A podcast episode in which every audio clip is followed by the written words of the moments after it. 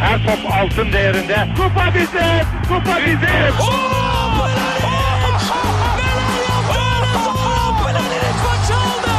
Dengeli de attı. İsabetine buldu. Magna Fontervi. Zora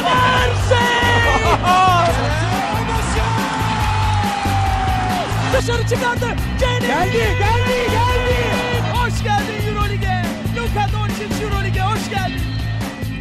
İkili Oyun'un 59. bölümüne hoş geldiniz. Ben Serkan Mutlu. Mikrofonun diğer ucunda basketbol duayenleri Ali Aktin ve Tancan Finan var.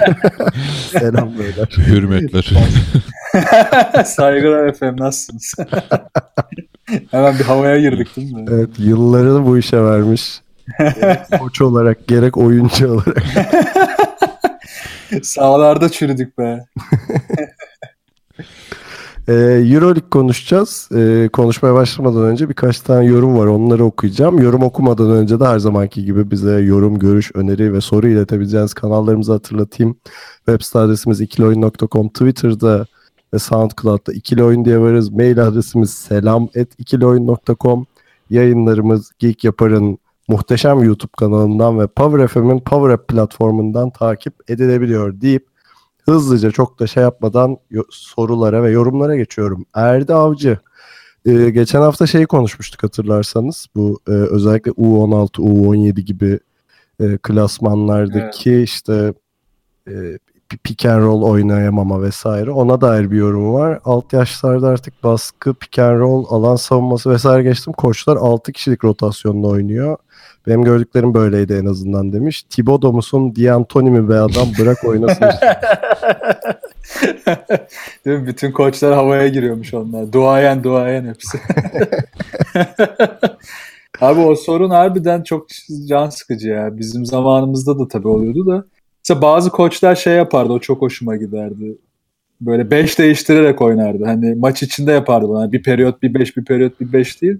Ha. Maçın belli anlarında hani farklı beşleri devamı deneyerek oynatırdı. O takımlar genelde çok da başarılı olurdu. Şimdi herhalde artık iyice kazanma odaklı oldukları için pek kalmamış.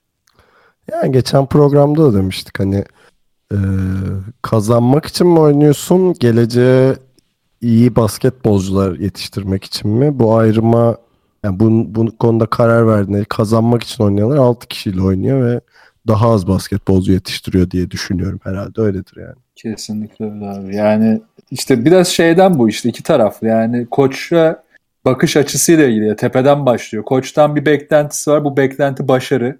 Yani kimse şey beklemiyor adamdan. Yani bir vizyon yok yani. yani. Bana kaç oyuncu çıkarmış, kaçını A takımda oynatmışımdan çok. Ya bu herif maçları kazanıyor mu, kazanmıyor mu?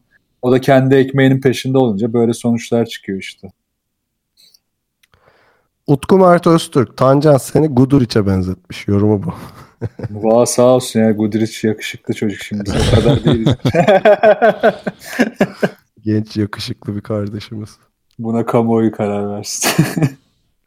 Pelin su tutsak 2018'de Kalinic'i görmek istiyorum. Yeter artık, yıldım artık demiş. Ha biz de istiyoruz. Vallahi Ama- özledik. Yani önemli olan ama sağlıklı dönmesi bence o ilk dönüşü pek herhalde hayırlı değildi yani. Evet. Gelsin artık. Mustafa Erdenal. Benim bildiğim Obradovic'in 3 yıl daha kontratı var. Bu süre bittiğinde nasıl bir yolu izler sizce? Yeniler. Tek yol var bence. Ya ben Fenerbahçe'nin yatırımı sürdüğü sürece başka bir yere gideceğini düşünmüyorum. Yani zaten Panathinaikos'tan ayrılma süreci de bununla ilgiliydi. Yani oradaki kafa yapısının değişmesi ve yatırımın değişmesiyle ilgiliydi. Fener'de devam ettiği sürece gider. Ya Fenerbahçe Avrupa'nın üst seviyesine oynadığı sürece diyelim ama tabii e, NBA'den aklını çelen bir şey gelir mi onu bilmiyoruz tabii. Yani ya Ben onu deneyeceğim demese veya Yunanistan'da o hayal olan barı açıyorum demedikçe kalır herhalde. Barı açıyoruz, tabureleri aldık. Ayla bak dinle. Kapıcıyı doğradım da fazla poşet var mı falan çok iyiydi ya. Neyse, izleyin izlemediyseniz. Her şey çok güzel olacak. Her şey çok güzel olacak izlemeyen bizi izlemesin. Geçen de Aynen. Oz için demiştik bunu. Böyle bir köşe mi yapsak artık hepsine bir dizi, film, müzik falan tavsiye edip Ama yaka- adına bakamadım kusura bakmasın da yakalayan biri olmuş Oz muhabbetini. O da övmüş yorumlarda. Evet, evet. NBA e, şey programının yorumlarında vardı. Evet. Evet yakalamış yani. Peki Erencan Kırmızıtaş son yorum. Şiti maça çok yazık oldu. Bu kadar iyi performans gösterirken 12 kişilik kadroya bile giremiyor Efes'te. Yok o kadar değil ya. Yok ya. Daha sonra Şiti maç kendine yeni adres aramaya başlasa iyi eder. Ne yaptın abi sen? dur dur sakin sakin. Önce rotasyon dışı bırakıp sonra kadro dışı bıraktı ya. Bir de hangi takıma gidebilir demiş. Gitmesin abi dursun. Yani şu- yedekten bence katkı almaya başladı ya Ergin Ataman. Kızıldız maçında fena işler yapmadı. Hayır, Ama tabii es- maç ne zaman 12 kişilik kadronun dışında kaldı ya? O kadar Ya da. Efes'in o kadar zengin bir uzun rotasyonu yok yani. Süresi dramatik düştü. Belki ondan öyle algılamış olabilir. Ama t- yani işin doğrusu da buydu tabii yani Şiti maç e, hani o zor dönemde takımı sırtlıyordu da bu yeni Efes'te tabii ki de Dunstan'ın rolünün daha büyük olması çok normal yani. Ya seviye farkını işte burada anlıyoruz. Yani Türkiye Ligi'nde ya da Euro Cup'ta ya da Şampiyon Ligi'nde iyi oynamak da Euro Lig'de oynamak bayağı farklı ya. Yani o seviyede aynı performansı zaten veremeyecekti. Vermesinin nedeni de yani rotasyondu zaten hani ve o Efes o rotasyonda ne kadar başarılı oldu gördük. O yüzden hani çok karartmamak lazım her şeyi. Ya bir de ligi unutmamak lazım tabii. Tabii ligde daha faydalı olacak zaten bir noktada. Evet. Yani Türkiye Ligi'ni zaten hani Beşiktaş'taki performansından biliyoruz. Hı hı. Ee, çok daha rahat götürecek bir oyuncu. E, Bu Dunstan'ın da dinlenmesi lazım. At değil yani herif. Ee, o yüzden. Ama tabii ki de işte maç ne kadar memnundur bu rol değişiminden o tartışmalı tabii. Maç iyi ya. Onun kafası böyle çok rahat duruyor. Bilmiyorum. Çok takmıyordur bence. İşine bakar o. Evet o mutlu bir çocuk bir yandan. Hı. Ee, son olarak Salih Serdar Isı, Robin Özyılmaz, Arda Akalper, Walter Beyaz ve Aydın Yıldız'a güzel yorumlar için teşekkür ederim. Bizi şımartıyorsunuz. Teşekkürler. Okumuyorum bak övgüleri. Öyle de şeyiz. Tevazu sahibiyiz.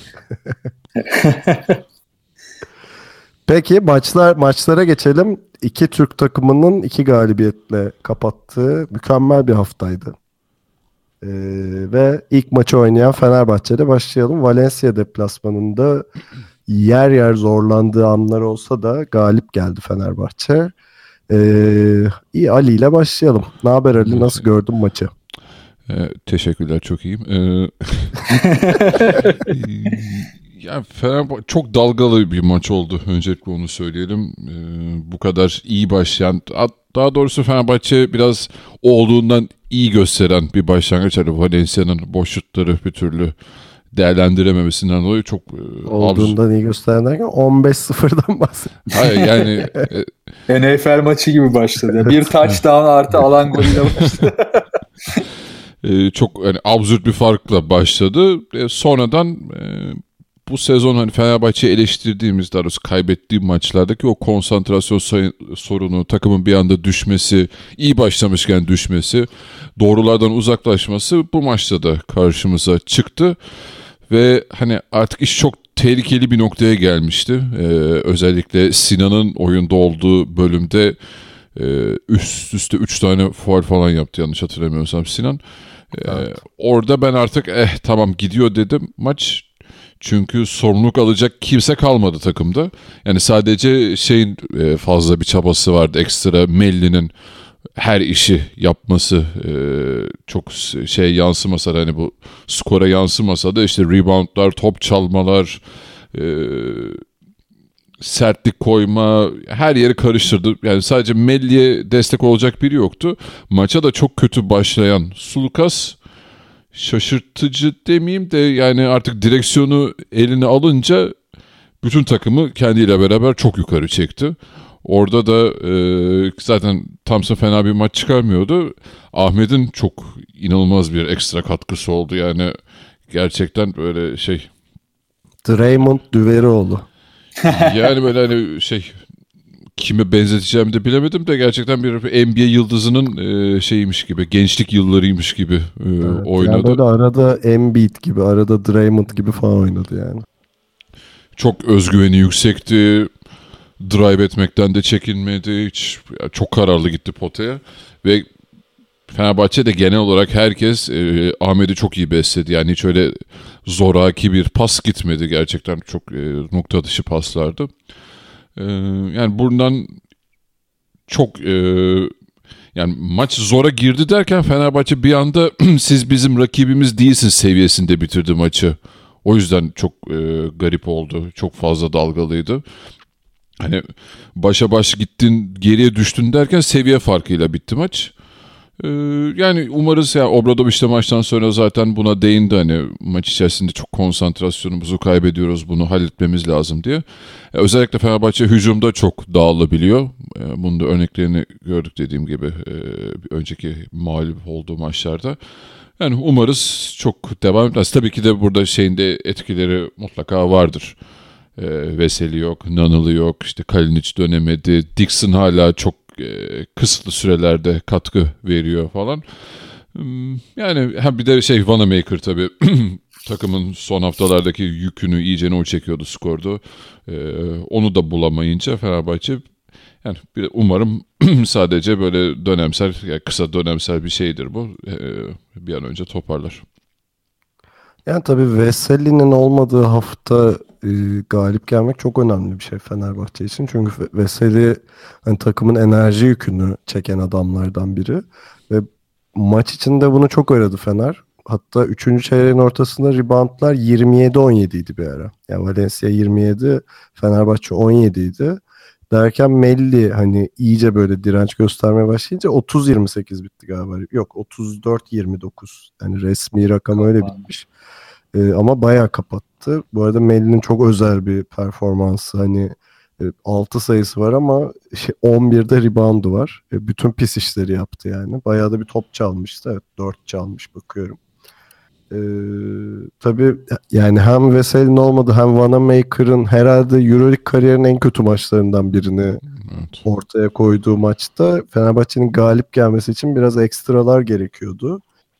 Ekstralar derken işte Ahmet'in şeyi, Datome'nin bayağı sharpshooter performansı 6'da 4 üçlük attı. E, Guduric'i zaten geçen haftaki manşetimiz de hani özgüvenini iyice kazanıyor. E, işte 15 sayıyla oynadı ve hiç şey çekinmeden atmaya başladı iyice. Bu çok iyi haber Fenerbahçe için. E, hatta bakıyorum 6 üçlükte o denemiş yani. Ee, hani bunlar Fenerbahçe adına güzel işaretler işte Dixon'ın ligdeki performansı yükseliyor falan. Hani bir yandan e, Artı İşler- Thompson evet, ha bir de Thompson var tabii. yani, çift tanelere çıktığı bir başka maç oldu.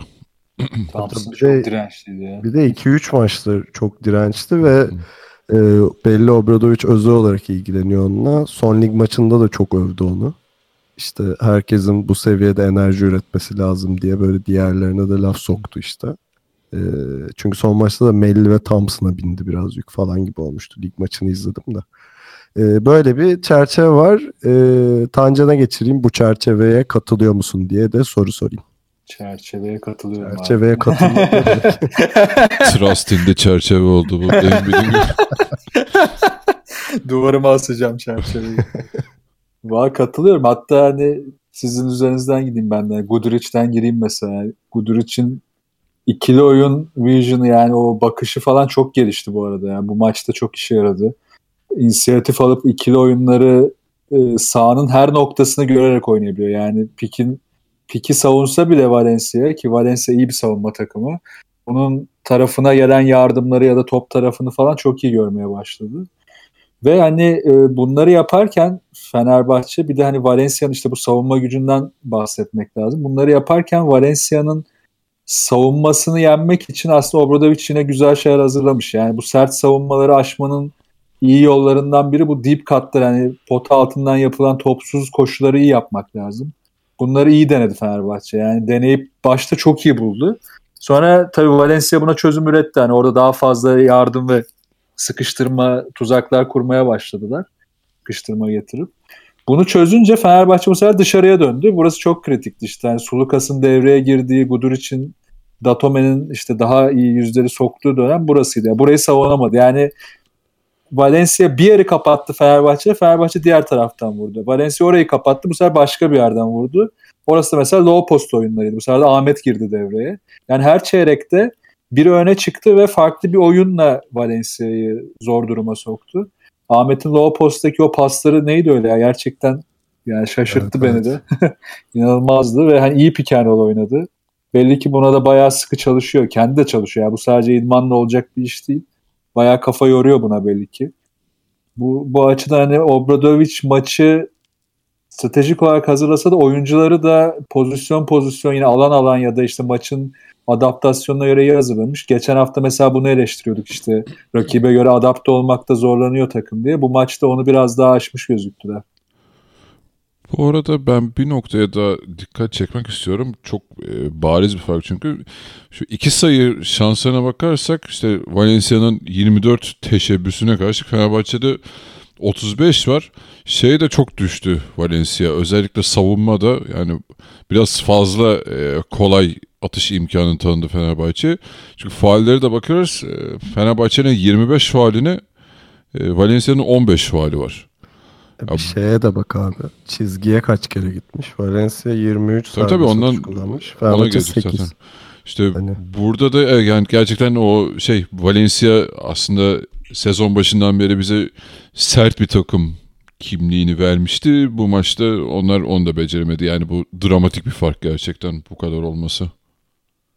Ya aslında şöyle yani belli noktalarda yaptılar. Özellikle ikinci, üçüncü çeyrekte iyilerdi. Yani orada bir de şu sıkıntı var. Dubljevic 3 faal üstüne 4 faal alınca biraz o pota altı şeyini kaybettiler. Oradaki savunma güçleri gitti. Yani Dublejevic'in sertliği Fenerbahçe'yi bir yıldırdı yani. O farkın kapanıp öne geçtikleri dönemdi sanırım o. O avantajı oldu. İşte aslında bu da strateji. Yani Dublejevic'in üstüne gitti Fenerbahçe. Yani buna gitmek de orada bir akılcı hareket oldu ve dediğin konu çıktı ortaya. Yani işte Valencia'nın güçlü olan kısmını kırdığınız anda geçmiş olsun. Zaten ondan sonra toparlayamadılar. Tabii Valencia'da da Eric Green yoktu. Hani o yaratıcı oyuncu eksikliğini çok çektiler ve e, kaç 31 üçlükte 8 basket yani %25 ile üçlük atmaları ve bomboş üçlükleri kaçırmaları da e, bayağı etkili oldu tabii mağlubiyetlerinde. Ya orada da yine evet Fener'in 3 tane hareketli kısayla kalıp dışarıyı savunması yine etkiliydi. Yani Green'in işte Green olsa mesela o savunmayı de, delme gücü yaratır. Olmayınca Fenerbahçe orada çok büyük üstünlük kurdu yani. Bayağı fark etti. Bir de tabii o türde bir oyuncunun olmayışı yani açan, kendi topunu yaratan falan takımı da yoruyor. Öyle bir etkisi de var yani. Ee, hani dördüncü çeyrek gardı tamamen düştü Valencia'nın çünkü.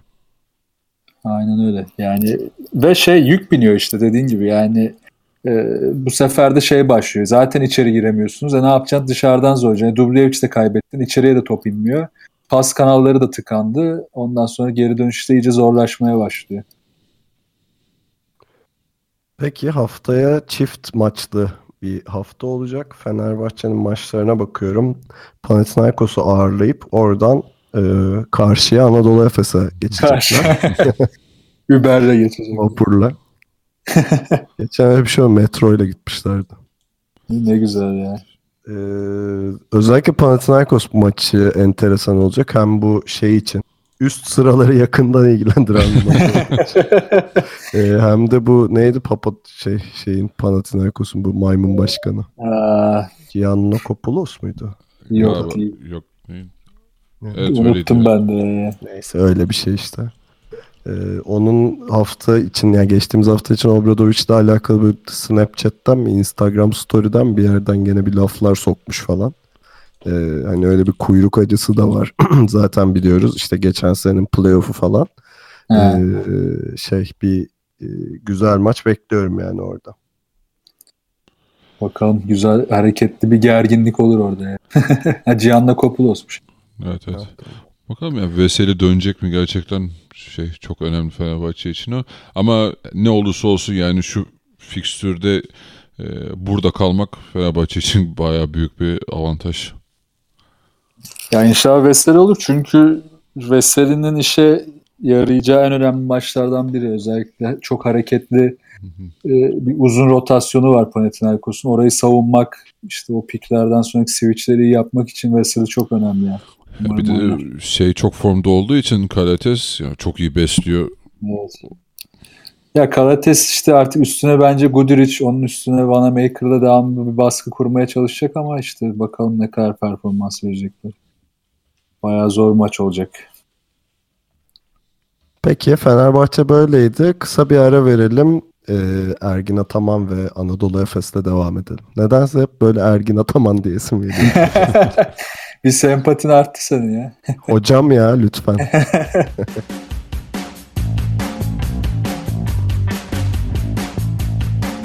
Anadolu Efes'le devam ediyoruz. Anadolu Efes Ergin Ataman e, göreve geldiğinden beri biliyoruz işte yeni bir yapılanma, e, yeni bir oyun anlayışı, farklı bir rotasyon ve Kızıl Yıldız'ı ağırlayıp üç, son 3 maçtaki ikinci galibiyetini aldı Efes için. Hani bunlar güzel işaretler zaten. Ama herhalde en güzel işaret de yani hücum adına özel bir maç çıkardı zaten Anadolu Efes. Sanırım Euroleague'deki en skorer 3. maçı oldu bu. 104 sayı kaydettiler. Ee, ama daha da önemlisi herhalde Tancan burada yavaştan sana sözü geçireyim. Yani bütün maçı kontrol etmeyi başarmaları oldu. Yani Kızıl Yıldız yer yer yaklaştı ama Anadolu Efes devamlı uzaklaştı. Kaçmayı başardı yani. Hani Barcelona deplasmanındaki son 40 saniyeyi hatırlayınca bu bayağı değerli bir şey gibi geliyor yani bana. Kesinlikle öyle. Zaten diyorduk ya işte Efes'in bu Efes kadrosunun hani bu doğru bir stratejileri değildir tartışılır ama bu Efes kadrosunun atarak kazanması lazım. İlk maç 181 bitmişti galiba. İşte bu maçta Efes o farkı ortaya koydu. Yani belki ilk maçta da böyle oynasaydı Efes o maçı da alabilirdi. Dediğin gibi hani oyunu kontrol etmek ve hani daha çok atmaya çalışmak ki bunu aslında kötü savunma yaparak yapmadı Anadolu Efes. Maçın böyle belli anlarında da çok iyi savunmalar yaptı. Bu da işte maçı kontrol etmesini sağladı. Hücumu kontrol etmesini ise asistler sağladı bence. Herhalde Anadolu Efes'in e, bu kadar çok asist yaptığı bu seneki az maçlardan biriydi bu. Özellikle bu asistlerin de hani geçiş hücumlarına değil de set üzerindeki oyunlarda gelmesi çok değerli oldu. Yani Ergin Ataman maçtan önce şey diyordu hani gerçi o konuşmalar genelde hazır konuşmalar oluyor ama gene tuttu. Hani köşe şut yani köşedeki şutörü bulacak e, asistleri kaçırmayın. Mutlaka kullanın diyordu. Özellikle piklerden sonra top tarafından yardım gelince bunu çok iyi yaptı Anadolu Efes. Devamlı zorladı. Hatta bunu yaparken yine geçen hafta yerden yere vurduğumuz Derek Brown da devamlı çembere gitmeye çalıştı. Bu da bu da çok iyiydi. Belli ki orada bir azar yemiş yani. Ee, Ergin Ataman da onu biraz daha efektif olmaya zorlamış. Bu da işte önemli bir şey. Yani Perasovic kötü bir koç değil ama şunu görüyoruz işte burada. Yani Ergin Ataman'ın oyuncu yönetimi Perasovic'den daha iyi. Yani en azından oyuncunun aklına girme ya da onu yönlendirme açısından burada değerli olduğunu görüyoruz. Şimdi kariyerinde bayağı kötü yönettiği oyuncular da var, var ama. Oraya geleceğim şimdi. Onda şöyle e, hatta maçı izlerken aynı bunu düşündüm. Ya şimdi yapabiliyordu. Geçmişte niye yapamıyordu bunu diye. Galatasaray'da bence sorun rotasyondaydı. Şimdi hani hep diyoruz ya hani Ergin Ataman dar rotasyonla iyi oynuyordu. Şimdi dar rotasyon olunca oynatmak zorunda ve süre paylaştırmak zorunda olduğu oyuncu sayısı daha az. Ama Galatasaray'da o kurduğu kadroda aynı süreyi paylaştırması gereken 3 oyuncu vardı ve bunu paylaştıramıyordu. Yani birini kullansa diğeri küsüyor, diğerini kullansa diğeri küsüyordu ve hiçbirinden verim alamıyordu. Yani biraz bu Ergin Ataman'ın avantajını oldu bence. Yine Efes'in şu hali daha dar kalması iyi oldu. Üstüne de ufacık bir hamleyle Tony Douglas'ı getirdi ki bence başka bir hamle yapmayacaklar gibi geliyor şu anda bana. Bu Ergin Ataman için avantajlı. Umarım bozmaz. Hani çünkü biraz çokluk bokluk durumuna giriyor Ergin Ataman kadro genişleyince. Umarım bozmaz. Yani Efes'in maçın genelinde de savunma tarafına da değineyim. Yani pick and iyi savunmasının dışında çok iyi switch yapmaya başladılar ve bunları da hani farklı oyuncular işte mesela Motum'la Brown'u aynı anda oynatarak da iyi yaptı. Yani ikisini aynı anda oynatmayı daha istikrarlı hale getirebilirse çok çok çok avantaj yaratabilir. Özellikle mesela Panathinaikos gibi takımlara karşı çok etkili olur bu. Umarım bu artar ve son olarak da transition spacing'ine de bir değineyim. Burada hani Perasovic'ine çok zorlandığı bir konuydu. Yani özellikle top çaldıktan sonra hızlı hücumlarda Efes bir türlü yerleşemiyordu hücuma. Bu konuyu da çözmüşler gibi şu an. Umarım bu da istikrarlı olur. Buna tabii biraz Douglas'ın da bence etkisi oldu ya. Ben bilmiyorum siz ne dersiniz ama beğendim ilk maç için. Çok uyumlu geldi bana. Çok da hani şey oynuyor yani. Ya böyle çok olgun, disiplinli. Evet evet çok olgun aynen. Öyle bir güzelliği var. Bir de Efes'in çok ihtiyacı vardı. Hani hem top taşıyabilen hem de bitirici özelliği olan. Çünkü Efes biraz şey gibi ya. İşte bir bitiriciler var, bir top taşıyıcılar var gibi Aynen. ayrılmış bir durumu vardı işte.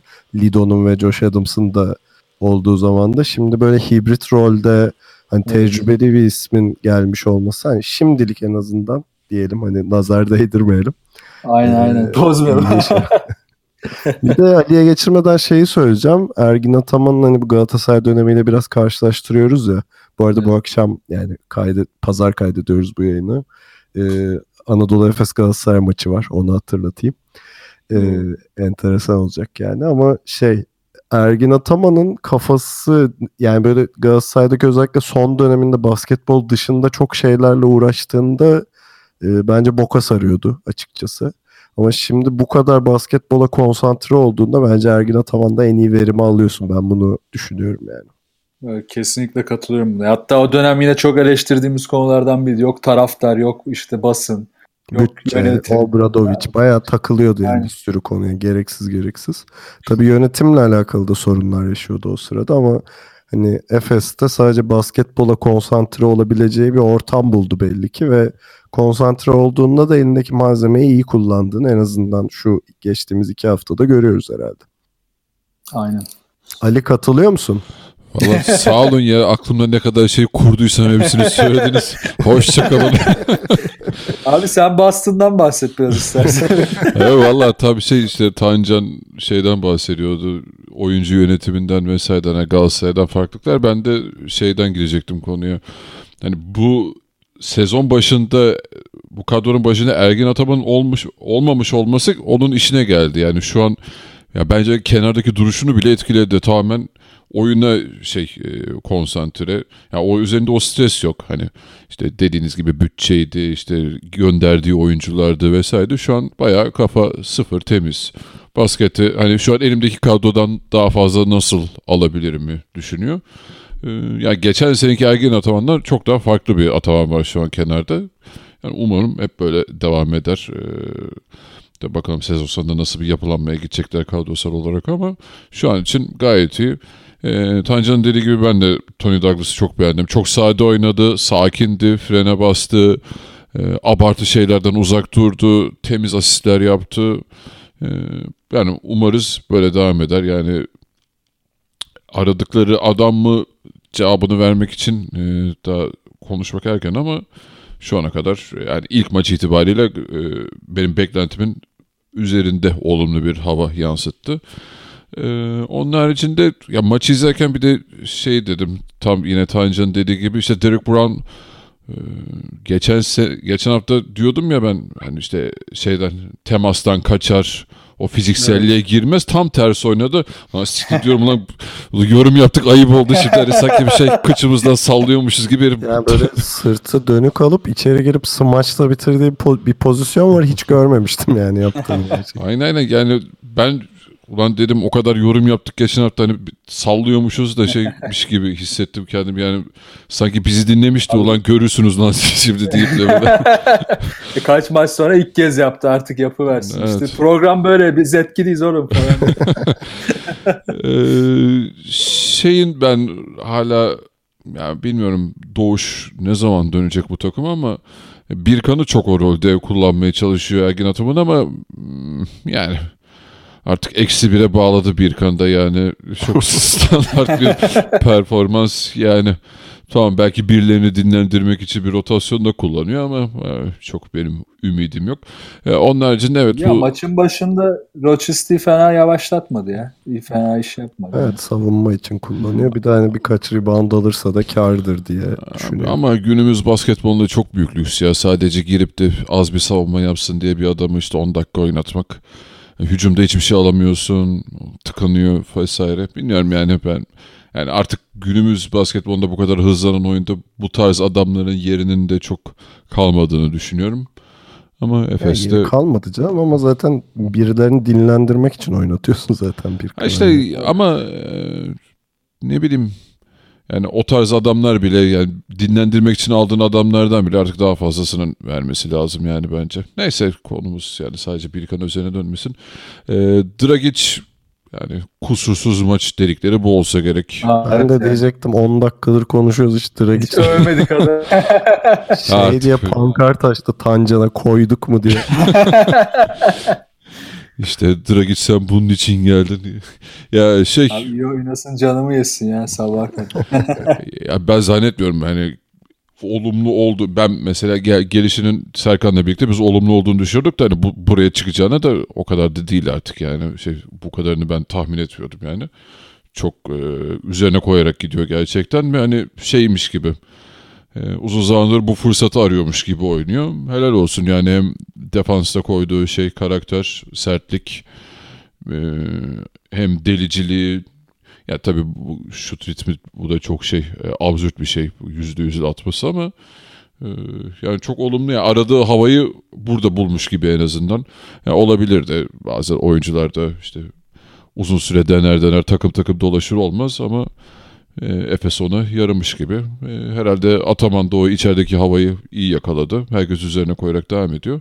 E, son olarak da Tancan'ın dediği gibi yani ben Efes'i şey hmm, yani savunma ekseninden çıkıp daha hücum ağırlıklı bir takım olması e, nereye kadar gidecek merakla bekliyorum. Yani bayağı atıcı bir takıma dönüştü.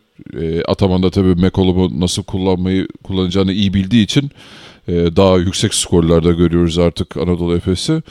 E, bu arada tabii Kızıl Yıldız'a da yine helal olsun. Hani onlar da eksiklerine rağmen yine e, Felday'nin bu kadar formsuz oynadığı bir maçta skordan hiç kopmadılar.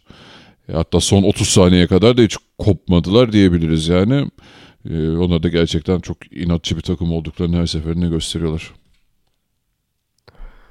Ee, Yani ben bir de şeyi ekleyeceğim. Ee, Brock Motum'u da ekleyeceğim buna. Yani Brock Motum ve Derek Brown arasında böyle bir re- reka yani rekabet tırnak içinde söylüyorum bunu. Yani ikisinin de iyi katkı vermesi Efes rotasyonu çok genişletiyor. Yani ikisi farklı tipte oyuncular ama e, gene de Ergin Ataman'ın bu iki enstrümanı elinde hazır bulunması ki hani Efes'in e, sezon başında özellikle 4 numara pozisyonu çok sorun yaşadığını düşündüğümüzde zaten bu hani iyiye gidişin ana anahtarı bu oldu herhalde diye düşünüyorum. Kesinlikle ya. Yani motumu zaten kullanması şarttı Efes'in. Nasıl kullanacağı ya da hangi anlarda kullanacağını çok kestiremiyordu.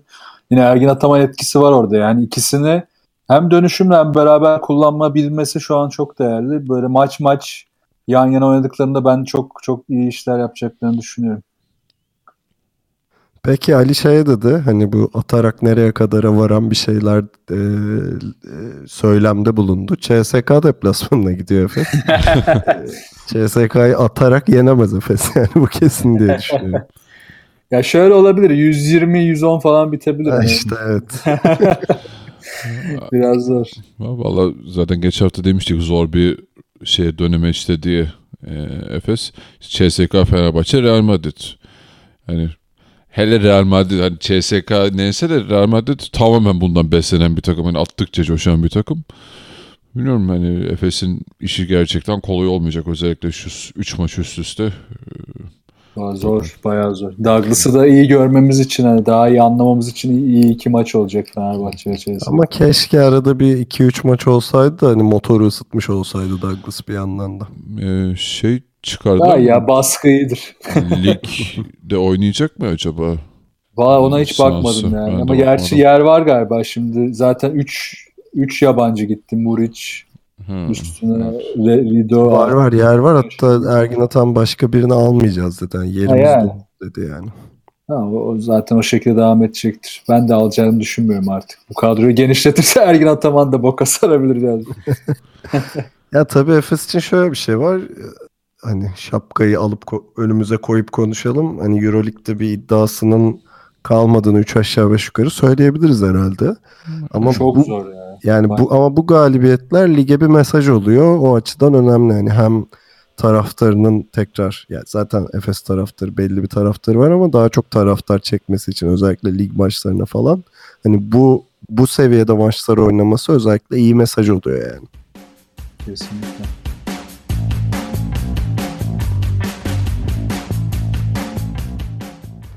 İkili Oyun'un 59. bölümünü dinlediğiniz için çok teşekkür ederiz. 60. bölümde yani NBA bölümüyle çarşamba günü muhtemelen karşınızda olacağız. Ee, kapatmadan şeyleri hatırlatayım. Bize görüş, öneri, yorum, soru iletebileceğiniz ve bizi takip edebileceğiniz kanallar. Ee, web site adresimiz ikilioyun.com, mail adresimiz selam et ikilioyun.com, Soundcloud'da ve Twitter'da ikili oyun diye varız. Yayınlarımız Geek Yapar'ın harika YouTube kanalından ve Power FM'in Power App platformundan takip edilebiliyor deyip bir iki gün içinde NBA programıyla karşınızda olana dek esen kalın efendim. Hoşçakalın. Efendim saygılar bizden.